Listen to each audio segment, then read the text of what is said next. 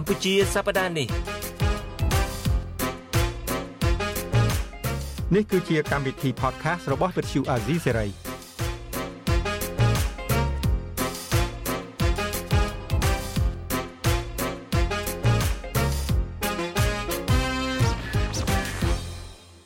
បាទខ្ញុំបាទយ៉ងច័ន្ទតារាសូមជម្រាបសួរលោកអ្នកនាងដែលកំពុងតាមដានស្ដាប់កម្មវិធី Podcast កម្ពុជាសប្តាហ៍នេះរបស់ Vuthu Azizi Serai បាទនៅសប្តាហ៍នេះជួបជាមួយខ្ញុំបាទទៀតហើយហើយនឹងជាមួយនឹងលោកសំពលីបាទសូមជម្រាបសួរពូពលីបាទជម្រាបសួរតារាហើយជម្រាបសួរមិត្តអ្នកស្ដាប់ទាំងអស់បាទបាទឯថ្ងៃនេះដូចដូរបរិយាកាសដូចយើងធៀកគ្នាមែនតើណាពូចូលឆ្នាំចូលខែបាទចូលឆ្នាំចូលខែយើងសាក់បងមើលប្លង់ថ្មីលោកនាងឃើញហើយក្រោយខ្ញុំនេះមានរូបផែនទីរូបអីហ្នឹងហើយ របៀបរបបរៀបចំហ្នឹងក៏ថ្មីដែរមិនចឹងពូបាទបាទបាទអឺប៉ុន្តែអឺដូចថាគោលគំនិតដើមគឺនៅដដែលទេគឺកម្មវិធី podcast របស់យើងយើងជជែកអំពីអ្វីដែលមានការផ្ទុះឬមួយក៏ល្បីល្បាញក្នុងបណ្ដាញសង្គមឬមួយក៏ក្នុងព្រឹត្តិការណ៍ដែលកើតឡើងក្នុងរយៈពេលមួយសប្តាហ៍កន្លងមកហ្នឹង ហើយយើងមានព្រឹត្តិការណ៍មួយដែលលោកនាងប្រហែលជាជ្រាបហើយគឺពាក់ព័ន្ធទៅនឹងរឿងគ្រោះថ្នាក់ចរាចរណ៍ដែលកំពុងតែជាបញ្ហាចោទក្នុងសង្គមកម្ពុជានឹងហើយពេលនេះយើងមានប្រិយមិត្តមិនវាគ្មិនមួយរូបចូលរួមជាមួយយើងគឺលីច័ន្ទដារាវុធជាយុវជនហើយជាអ្នក ការពីបរិស្ថាននេះប៉ុន្តែដារាវុធលោកនាងខ្លះដែលមិនទាន់ដឹងដារាវុធក៏ជាអ្នកសិក្សាផ្នែកច្បាប់ដែរអឺបងអូនបានបញ្ចប់ការសិក្សាផ្នែកនីតិសាស្ត្រឬមួយក៏ច្បាប់នឹងឯងដូច្នេះខ្ញុំទាំងពីរអ្នកសូមជម្រាបសួរដារាវុធបាទជម្រាបសួរដារាវុធជម្រាបសួរលោកពូប៉ូលីបាទជម្រាបសួរបងតារាបាទយ៉ាងម៉េចដែរដារាវុធសុខសប្បាយជាទេទៅត្រឡប់មកពីទទួលពានរង្វាន់ផងដូចរៀងស្រស់ថ្លាដូចរៀងសោះសង្ហាជាងមុនដែរបាទបាទសុខសប្បាយ បានពានរង្វាន់ហើយទៅណាមកណាគេស្គាល់ច្រើនជាងមុនគេអត់ស្គាល់គេស្គាល់ច្រើនជាងមុនហ្នឹងហើយមុខទៅទទួលពានរង្វាន់ដែលគេថាមិនចាំបាច់ហ្នឹងហើយទៅតឹងទៅហ្នឹងមកវិញអត់ទាន់ចូលគុកចូលអីទេតន់ចូលចូលវាអាក្រក់មើលពេលទុកឲ្យគេដល់ហើមខ្លះទៅអញ្ចឹងពូមិនសូវហ៊ាននិយាយទេព្រោះដាក់ទៅមានក្មួយក្មួយឲ្យមកក្រែមកក្រែ បាទអូខេបាទពូអញ្ចឹងដារពុតយើងកម្ដៅសាច់ដុំប៉ុណ្ណឹងបានហើយយើងងាកមកប្រធានបទយើងវិញប្រធានបទយើងជជែកគ្នាថ្ងៃនេះគឺជុំវិញរឿងវិបត្តិគ្រោះថ្នាក់ចរាចរណ៍ដែលកើតមាននៅកម្ពុជាក៏ប៉ុន្តែងាកទៅវិស័យច្បាប់និងយុត្តិធម៌បន្តិចគឺករណីដែលមានការបុកស្លាប់ហើយជនបកហេតុនឹងគឺថារត់គេចខ្លួនអញ្ចឹងទៅបន្សល់នៅតែទុកសោកសង្រេងដូចថាការសោកស្ដាយសម្រាប់ក្រុមគ្រួសាររបស់គាត់ហើយនឹងការដូចថា ទៀមទារោគយុទ្ធធម៌ពីសំណាក់មហាជនអញ្ចឹងជូនទៅដល់ក្រុមគូសាជនរងគ្រោះហើយនឹងហើយពូពូលីជាមួយនឹងដារាវុធរួមទាំងលោកនាងផងប្រកាសជាបានដឹងហើយពីករណីមួយដែលមានការចាប់អារម្មណ៍ខ្លាំងមែនទែនគឺករណីគ្រោះថ្នាក់ចរាចរណ៍ដែលឡានមួយគឺឡាន Jeep បានបើកទៅបុកបរោះម្នាក់ដែលគាត់ជាកីឡាករជំនឿជាតិខាងផ្នែកកីឡាវាយសីផងគាត់ឈ្មោះសៀងកំហុងហ្នឹងរហូតដល់គាត់បានបាត់បង់ជីវិតគឺគាត់ស្លាប់នៅនឹងកន្លែងហើយ រឿងដែលគួរឲ្យអស្ចារ្យមែនតើនោះគឺថាជនបកហេតុហ្នឹង10ថ្ងៃក្រោយបានបានទៅបានទៅសារភាពបន្ទាប់មាន បន្ទាប់ពីមានការអញ្ជើញម្ដងហើយម្ដងម្ដងហើយម្ដងទៀតពីរដ្ឋមន្ត្រីក្រសួងយុទ្ធធម៌បាទលោកកើតរិទ្ធនឹងបន្ទាប់មកទៀតមានការអញ្ជើញពីលោកប្លង់សុផលប្លង់សុផលបាទចេញដីការអញ្ជើញមកនឹងចូលខ្លួនចូលខ្លួនបន្ទាប់មកមាន លោកស្នងការក្រុងលោកអំពីវនីវតែម្ដងលោកជួននរិននេះគាត់អំពីវនីវឲ្យជនបកហេតុហ្នឹងចូលខ្លួនមកតែម្ដងហើយអ្វីដែលអស្ចារ្យទៀតនោះគឺថាម្ដងហើយម្ដងទៀតទោះបីជាមានសារពីរដ្ឋមន្ត្រីយុតិធធមានដីកាពីព្រះអញ្ញារងរហូតដល់ស្នងការក្រុងអំពីវនីវហើយនឹងអត់ចេញមកទៀតណាអត់ចេញមកទៀតអត់ចេញមកទេរហូតដល់ថ្ងៃទី21ខ្ញុំកន្លែងហ្នឹងទេចាខ្ញុំស្គាល់ថា ករណីជាក់ស្ដែងចាគេស្ទើរតែអញ្ជើញ10ថ្ងៃក្រោយបានចូលការចាប់ខ្ញុំអត់មានអញ្ជើញខ្ញុំមុនបានចាប់អូចាប់យកតែគេគេអាចដឹងគេអាចដឹងកំហុសរបស់គេដឹងដារាវុធនៅពេលនោះគេគេមិនសូវមានសិលធម៌ណាបាទព្រោះឥឡូវនេះគេមានសិលធម៌ខ្ពស់ត្រូវការរៀបចំអញ្ជើញឲ្យបានត្រឹមត្រូវស្រួលបួលបាទបាទមិនចឹងទេថាបើចំបាក់ពួកគ្នាឯងគឺមានសិលធម៌ខ្ពស់បើបាក់ពួកគេអត់ខ្ពស់ទេ ដល់ពេលខ្ពស់ពេកទៅអាច្បាប់ហ្នឹងលែងមានន័យទាំងអស់មិនលែងមានន័យទាំងអស់សារ៉ូហ្នឹងហើយយើងដល់ពេលមិញហ្នឹងយើងរៀបរាប់អំពីការប្រវត្តិមិញហ្នឹងមកដល់ទីថ្ងៃទី21ហើយលោកហ៊ុនម៉ាណែតបានដាក់ពជាផ្ទាល់មាត់គាត់មិននិយាយចំទៅលើឈ្មោះនឹងឈ្មោះនេះឈ្មោះនោះទេប៉ុន្តែគាត់និយាយក្នុងបរិបទមួយថាបើមានករណីជនបកហេតុធ្វើឲ្យមនុស្សស្លាប់អីហ្នឹងការបើកបរហ្នឹងគឺថាត្រូវចាប់ខ្លួននៅនឹងកន្លែងមកអត់ចាំបាច់សុំគោលការណ៍ទេហើយបើសិនជាជននឹងតវ៉ាអីចឹងទៅ ប្រឆាំងអីចឹងទៅគឺថាវាយខ្នោះតែម្ដងទៅប៉ុន្តែសម្ដីរបស់លោកហ៊ុនម៉ាណែតនេះក៏មិនអាចចាប់បង្ខំឲ្យម្នាក់ហ្នឹងមកចូលខ្លួនភ្លាមភ្លាមដែរតើតែថ្ងៃទី23នេះ23បានជនហ្នឹងគាត់មកចូលខ្លួននៅស្នងការដ្ឋាននគរបាលក្រុងភ្នំពេញហ្នឹងជាមួយនឹងពុកម្ដាយរបស់គាត់ឪពុកគាត់ជាមេធាវីទៀតមេធាវីទៀតហើយគាត់ដឹងច្បាប់មែនតើគាត់ដឹងច្បាប់ដឹងច្បាប់មែនតើបាទប្រហែលជាគាត់ដឹងច្បាប់មកគាត់សេរីកុំឲ្យកូនគាត់ចូលណាអញ្ចឹងរហូតដល់ថ្ងៃទី24ខែធ្នូនេះបាន តុលាការនឹងបានសម្រេចឃុំខ្លួនគាត់នឹងនៅពន្ធនាគារប៉េស៊ីមានន័យថាពន្ធនាគាររាជធានីភ្នំពេញហើយចោទគាត់នឹងចំនួន2បទល្មើសគឺទី1តកតងទៅនឹងការធ្វើប្រហែសនៅក្នុងការបើកបរហើយនឹងបទរត់គេចខ្លួននឹងដូច្នេះដំបូងនេះចង់ឲ្យដារវុធចាប់អារម្មណ៍មានប្រតិកម្មយ៉ាងណាដែរនៅពេលដែលករណីបុកមនុស្សស្លាប់នៅកដាលក្រុងភ្នំពេញហើយ10ថ្ងៃក្រោយមកបានទឹមតែ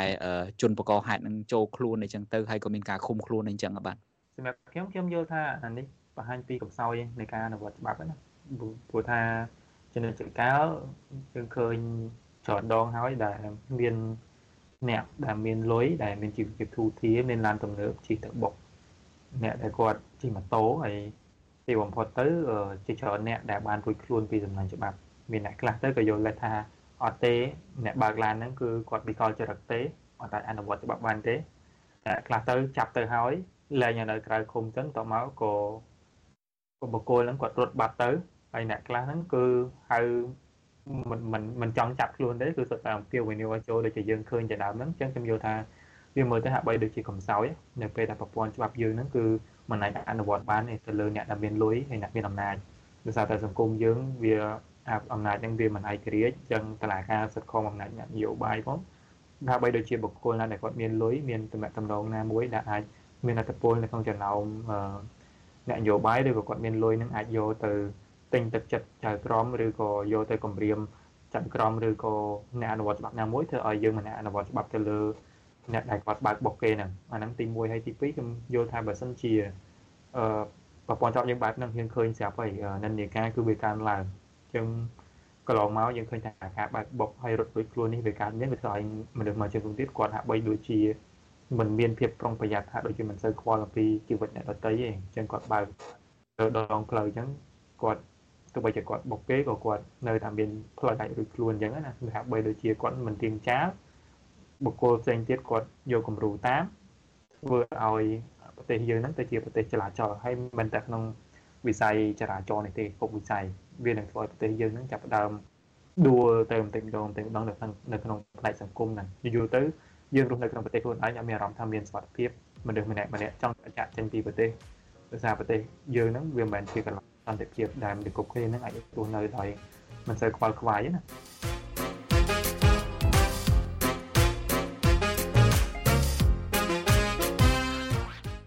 ប្រជាពលរដ្ឋយើងខ្មែរយើងគួរសួរថាគួរចងចាំថាកន្លងមកហ្នឹងវាមានករណីបហប្រហែលគ្នាហ្នឹងច្រើនណាស់រហូតដល់ទៅសមាជិករដ្ឋសភាធ្លាប់បើកឡានប៉ះ គេប៉ះឯងដល់អាយុជីវិតអីហ្នឹងយ៉ាងម៉េចទៅយ៉ាងនឹងតារារំលឹកគ្នាមិត្តអ្នកស្ដាប់តិចមើល លោកនាងហើយនឹងដារាវុធហើយនឹងពូបលីសិតតែប្រហែលជានៅចាំទាំងអស់គ្នាហើយករណីមួយដែលកើតឡើងកាលពីប្រហែលជាជិត10ឆ្នាំមុនម្ដុំឆ្នាំ2013ហ្នឹងលោកនាងនៅចាំទេគឺករណីលោកជាមយៀបកាលហ្នឹងគាត់បើកឡានបុកប្រជាពលរដ្ឋពីរអ្នកប្តីប្រពន្ធនោះហើយគាត់បើកឡានក៏កូនចៅគាត់បើកឡានគាត់នៅក្នុងឡានគាត់នៅក្នុងឡានហ្នឹងយ៉ាគាត់នៅក្នុងឡានហ្នឹងអាចថាប្រហែលជាអ្នកបើកបររបស់គាត់ចឹងណាប៉ុន្តែបញ្ហាគឺគាត់ក្នុងនាមជាតំណាងរាស្ត្រនៅពេលដែលឡានរបស់គាត់ទៅបុកប្រជាពលរដ្ឋហើយស្លាប់ កាលហ្នឹងដូចបើតាមខ្ញុំមិនច្រឡំទេស្លាប់ភរិយាហើយប្តីគាត់ហ្នឹងគឺរងរបួសធ្ងន់ឡានហ្នឹងរត់គេចហើយគាត់អះអាងទៀតថានៅក្រោយមកនៅពេលដែលគេសម្ភាសអ្នកកសែតសម្ភាសទៅគាត់ចេញមុខបកស្រាយថាគាត់ខ្លាចនៅដងហ្នឹងគឺថាប្រជាពលរដ្ឋព្រួតគ្នាវាយគាត់អីចឹងទៅហើយគាត់ជាតំណាងរាស្ត្របាទគាត់ជាតំណាងរាស្ត្រចឹងទៅច្បាប់ សម្រាប់ឲ្យប្រជាពលរដ្ឋនៅក្នុងប្រទេសកម្ពុជាគ្រប់ច្បាប់ឲ្យគ្រប់ច្បាប់ជាស្ថាជាឥឡូវនេះឡើងដល់ឋានៈអនុប្រធានទី1រដ្ឋសភាទៅទៀតប៉ុន្តែមានប្រវត្តិខាងបុកមនុស្សស្លាប់ហើយរត់គេចបាទឡានរបស់គាត់នឹងបាទហ្នឹងហើយអាហ្នឹងគឺជាចំណុចទី2ដែលខ្ញុំចង់លើកឡើងមុននឹងដែរណាគឺសង្គមយើងគឺជាសង្គមដែលដឹកនាំដោយគ្មានការអនុវត្តច្បាប់អន្តរត្រឹមត្រូវគ្មានច្បាប់ទម្លាប់វាធ្វើឲ្យសង្គមយើងទៅជាសង្គមដល់វិន័យជាកន្លែងដែលសត្វធំហ្នឹងអាចស៊ីសត្វតូចបានហើយកាន់តែអាក្រក់ទៅទៀតហ្នឹងគឺ សត្វធំហ្នឹងគឺមានសិទ្ធិដាក់ច្បាប់ដើម្បីយកទៅប្រក្រាបគូបដិបករបស់ខ្លួនឬក៏យកច្បាប់ហ្នឹងទៅជន់កសត្វតូចតូចទៅទៀតឲ្យខាងខ្លួនហើយវាគឺជាសង្គមដែលផ្ដោតទៅលើសម្ភារៈនិយមផ្ដោតទៅលើភាពលុយឆាយលុយទ្រព្យសម្បត្តិ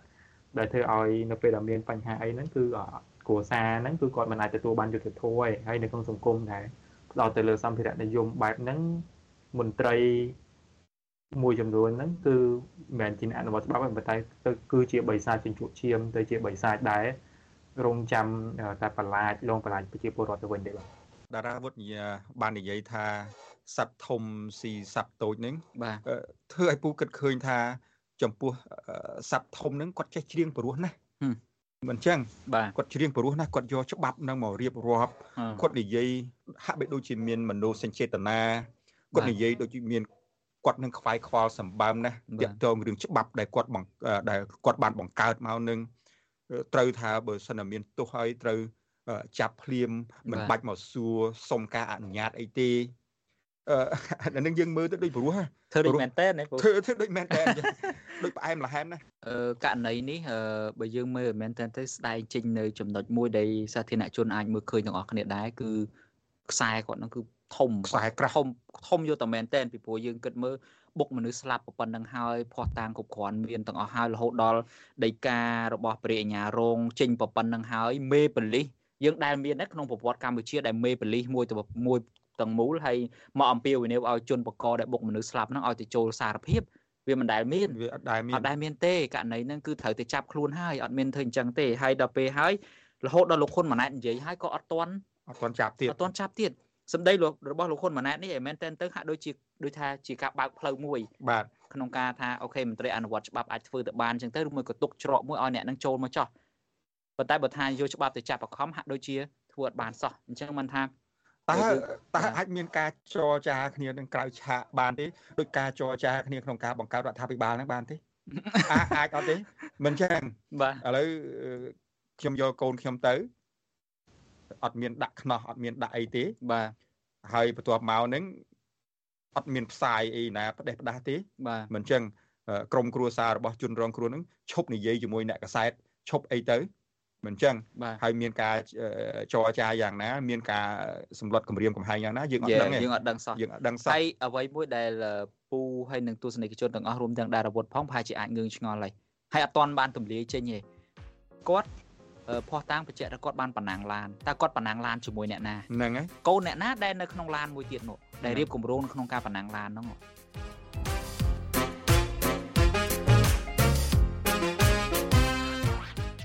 ដូចយើងវិភាគមុនហ្នឹងអញ្ចឹងថាចុះបើបុគ្គលហ្នឹងគាត់ប៉ុណ្ណាងឡានប៉ុណ្ណាងឡានគឺគាត់អាចបុកគេក៏គាត់អាចស្លាប់គាត់គិតបានមុនគាត់មានអឺលទ្ធភាព មានសមត្ថភាពគ្រប់គ្រាន់ក្នុងការគិតប៉ុន្តែគាត់នៅតែសម្រេចចិត្តថាប៉ុណ្ណឹងឡានហើយទៅបុកគេស្លាប់អាហ្នឹងមិននឹងអាចចាត់ទុកថាជារឿងធ្វើប្រហែសបានដូច្នេះហើយបានខ្ញុំយល់ថាវាជាច្រឡប់ហោងដែរបើនៅក្នុងករណីមួយចំនួនដែលខ្ញុំធ្លាប់មើលអាពេលដែលគេកាត់ក្តីនៅប្រទេសផ្សេងៗណាចឹងករណីមួយចំនួនហ្នឹងគឺបើសិនជាលេចឡើងរូបភាពបែបហ្នឹងគឺគេមិនចាត់ទុកថាជាមនុស្សធាតុអចេតនាគេចាត់ទុកថាជាធាតុហើយមានទោសធ្ងន់ទៅទៀតអ្នកខ្លះហ្នឹងបើសិនជា ដឹងហើយថាបើកបែបហ្នឹងគេអាចស្លាប់ហើយគាត់បើកតបុកគេស្លាប់គឺគាត់អាចនឹងជាប់ទោសមួយជីវិតដែរបាទអាហ្នឹងគឺអាចភាពខុសគ្នារវាងប្រទេសយើងនិងប្រទេសគេអាហ្នឹងយើងមិនទាន់និយាយដល់ការអនុវត្តច្បាប់ដែលមិនស្មើភាពការដែលមានអំពើពុករលួយបុកហើយរត់បាត់មិនទទួលខុសត្រូវបើប៉ះខ្សែខ្នងគ្នាឯងហ្នឹងគឺមិនអនុវត្តច្បាប់ទេអាហ្នឹងជារឿងមួយផ្នែកទៀតដែលញោមញីសង្គមយើងឲ្យធ្វើឲ្យសង្គមយើងទៅជាសង្គមដែលមានជំងឺ នៅពេលដែលសង្គមយើងមានជំងឺតើយើងគួរកត់សម្គាល់ទេថាគាត់អាចជាប់អុកប្រមាណបានឆ្នាំមិនដឹងទេនេះតារពុទ្ធបើយើងនៅឆ្ងាយចេះយើងដូចជាពិបាកដល់ហើយរឿងហ្នឹងប៉ុន្តែគ្រាន់តែថាផ្លូវច្បាប់ហ្នឹងគឺថាបត់ធ្វើប្រហែសបើកបអីហ្នឹងគឺថាវាអាចទោសច្រើនហ្នឹងត្រឹម3ឆ្នាំ3ឆ្នាំហើយតិចខ្លួនជនផងស្រាលជាងធ្វើរឿងបរិញ្ញាមកខ្ញុំ5ទៅ10ឆ្នាំក្បត់ អត់មានបានសម្រាប់នរណាមួយកាន់តែមួយទៅសោះយូនិយាយអញ្ចឹងក៏បានដែរដារាវុធយូរទៅធ្វើបញ្ហាបរិស្ថានហាមគេមិនអោយកាប់ព្រៃកាប់ឈើលក់កោះលក់ដីលក់ថ្មហ្នឹងវាប៉ះពាល់ប្រយោជន៍គេលុយដែលគេត្រូវចូលបាន1លានដុល្លារហ្នឹងយូរទៅនិយាយផ្ដេសផ្ដាសបំផ្លាញវាអត់បានអីចូលមកអញ្ចឹងសមឲ្យល្មមជាប់គុក20ឆ្នាំអីនោះកំហុសកំហុសដារអាវុធត្រង់នេះ ដារអាវុធមិញថាអត់បានទៅសម្លាប់ជីវិតអ្នកណាទេអត់បានទៅធ្វើបាត់ល្មើសអីទេដារអាវុធសម្លាប់ដែរតែសម្លាប់មុខចំនួនទុច្ចរិតមុខចំនួនរបស់ក្រុមជនពីលណានោះបាទ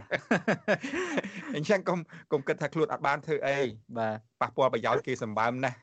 គេត្រូវកើបលុយយើងទៅបំផ្លាញលុយអត់ហូរចូលមកនោះបាទអឺមិញហ្នឹងយើងជជែកគ្នាហ្នឹងខ្ញុំភ្លេចជម្រាបជូនលោកអ្នកនាងត្រង់ចំណុចមួយតាមពិតខ្ញុំគួរតែបានជម្រាបជូនពីខាងដើមហ្នឹង រឿងការបណ្ណាំងឡាននៅភ្នំពេញនេះតាមពិតមិនមែនទៅតែកើតមានឥឡូវទេកើតមានយូរមកហើយហើយនៅគេហទំព័រមួយឈ្មោះ Topics Cambodia ហ្នឹងបានចេញផ្សាយកាលពីឆ្នាំ2012កន្លងទៅហ្នឹងតាំងតែពី11ឆ្នាំមុនហ្នឹងគឺបានកត់ត្រាពីរឿងក្រមក្មួយក្មួយរបស់លោកហ៊ុនសែននឹងឯងដែលជាអ្នកបើកបរបណ្ណាំងឡានអីហ្នឹងណា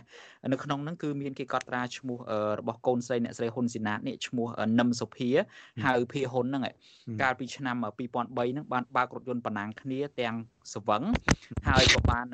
ទៅបុកអ្នកលក់ដូងក្បែរ Start Olympic ហើយការនឹងសាកសីនៅកន្លែងកើតហេតុនឹងអះអាងថាលោកនឹមសុភានឹងបានខឹងសបាជាខ្លាំងចេញពីឡានមកក៏បានបាញ់រះទៅលើអ្នកដំណើរក្បែរនឹងបណ្ដាលឲ្យមនុស្ស2នាក់ស្លាប់ហើយនឹងរបួស4នាក់ផ្សេងទៀតនឹងករណីលោកនឹមសុភាហៅភាហ៊ុនជាក្មួយរបស់លោកហ៊ុនសែនជាកូនរបស់អ្នកស្រីហ៊ុនស៊ីណាតហើយគេហទំព័រដដែលក៏បានកត់ត្រាកូនក្មួយរបស់លោកហ៊ុនសែនមួយទៀតដែរគឺលោកហ៊ុនជា ដែលជាកូនរបស់លោកហ៊ុនសានហ្នឹងអឺ គឺហេតុការណ៍កើតឡើងកាលពីថ្ងៃទី3សីហាឆ្នាំ2008អឺគាត់បានបើកឡានក្នុងលបឿនលឿនហើយទៅបុកអ្នកដំណើរដែលជិះម៉ូតូហ្នឹងបណ្ដាលឲ្យបរោះរូបហ្នឹងដាច់ដៃហើយនឹងជើងខាងឆ្វេងរបស់គាត់ហើយហេតុការណ៍ហ្នឹងកើតឡើងនៅមហាវិថីសុធារស់ អញ្ចឹងមានន័យថាក្រុមគូសាសាច់ញាតិកូនក្មួយរបស់លោកក្មួយរបស់លោកហ៊ុនសែនគឺធ្លាប់មានពាក់ព័ន្ធទៅនឹងរឿងបណ្ណាំងឡានការបើករថយន្តបកកគ្រោះថ្នាក់ធ្ងន់ធ្ងរអញ្ចឹងទៅហើយលោកលោកលោកហ៊ុនសែនកាលនោះគាត់បាននិយាយមិនខ្លះ លោកហ៊ុនសែននៅក្នុងឆ្នាំ2011លោកនាងខ្ញុំចង់ជម្រាបជូនថានៅថ្ងៃទី24ខែកុម្ភៈឆ្នាំ2011ហ្នឹងនៅក្នុងកម្មវិធីមួយនោះខ្ញុំមិនចាំជាកម្មវិធីអីទេកាលហ្នឹងប៉ុន្តែគឺខ្ញុំចាំថ្ងៃច្បាស់គឺថ្ងៃ24កុម្ភៈ2011ហ្នឹងលោកហ៊ុនសែនគាត់បានបញ្ជាឲ្យសមត្ថកិច្ចហ្នឹងលុបបំបត្តិករណីយកទ្រូងផ្លូវហ្នឹងធ្វើជាទីលានបណ្ណាំងឡាន ហើយថាมันអាចករណីនេះมันអាចដោះស្រាយដោយរឿងផាកវិន័យបានទេគឺត្រូវតែបញ្ជូនសំណុំរឿងទៅតុលាការបើមិនព្រមស្ដាប់អីទេគឺថាត្រូវទៅវាយខ្នោះអីចឹងទៅប៉ុន្តែយើងគិតមើល2ដណ្ដប់ឆ្នាំ3ដណ្ដប់ឆ្នាំក្រោយមកស្រាប់តែមានករណីករណីដែលដដែលហ្នឹងដដែលដដែលកាត់ឡើងបណ្ដាំងឡាននៅកដាក្រុងភ្នំពេញហើយបុកមនុស្សស្លាប់ហើយបុកធនធានមនុស្សដែល មានសមត្ថភាពទាំងផ្នែកកីឡាផ្នែកចំណេះដឹងអីចឹងទៀតណានេះជារឿងមួយដែលគួរឲ្យសោកស្ដាយខ្លាំងមែនទែន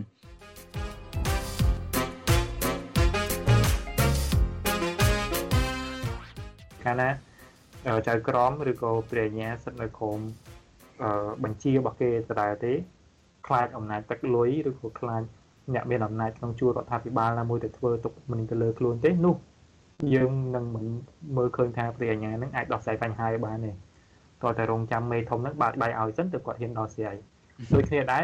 បើជាយើងអត់មានយន្តការដើម្បីកម្ចាត់អំពើពុករលួយនៅក្នុងប្រព័ន្ធតុលាការទេនោះក៏យើងនឹងមិនអាចដោះស្រាយបញ្ហាបានដែរដោយសារតែនៅពេលដែលមានរឿងក្តីកើតឡើងគឺវាមិនមែនជារឿងសោកនាដកម្មទេតែគឺជាឱកាសរលួយរបស់ព្រះញ្ញារបស់របស់ចៅក្រមអីទៅវិញបាទងារមួយវិញទៀតយើងក៏មិនដែលមានការអប់រំណាទៅលើសិលធម៌របស់ក្មេងៗហ្នឹងណាជាពិសេសនៅក្នុងការបើកបរហ្នឹងអញ្ចឹងខ្ញុំយល់ថាបន្ទោស បុគ្គលផងប៉ុន្តែក៏បន្ទោសពីសង្គមយើងដែលមិនទៅបរៀនមិនទៅបរៀនបុគ្គលផ្សេងទៀតដែលដែលគាត់មានឡានហ្នឹងឲ្យចេះគោរពសិទ្ធិអ្នកដទៃឲ្យចេះគោរពស្រឡាញ់ជីវិតអ្នកដទៃបើកាលណាគាត់អត់មានអាគំនិតនឹងក្នុងខ្លួនទេគាត់បើកទៅគាត់គិតតែរឿងសុបាយរបស់គាត់ទៅប៉ុន្តែគាត់អត់គិតទៅមុខវែងឆ្ងាយតែគាត់បើកទៅអាចបុកស្លាប់អ្នកនេះទេបាទហ្នឹងហើយអញ្ចឹងអរគុណដារាវុធច្រើនចំពោះការលើកឡើងពីដំណោះស្រាយទាំងនេះវិញហើយចង់ងាកទៅពូពូលីវិញពូមានអ្វីចង់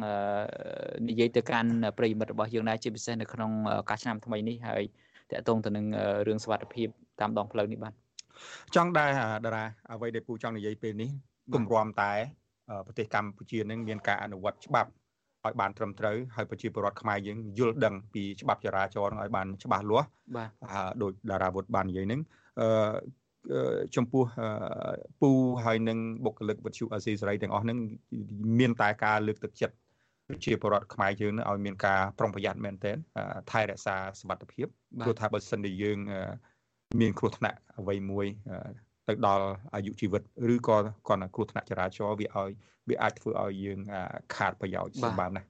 បាទអរគុណ ដូច្នេះមកដល់ត្រឹមនេះកម្មវិធី podcast កម្ពុជាសប្តាហ៍នេះរបស់វិទ្យុអាស៊ីសេរីក៏ឈានចូលមកដល់ទីបញ្ចប់ហើយដែរហើយជាថ្មីម្ដងទៀតខ្ញុំបាទសូមអរគុណលោកអ្នកនាងដែលតាមដានកម្មវិធីយើងតាំងពីដើមរហូតដល់ចប់ហើយ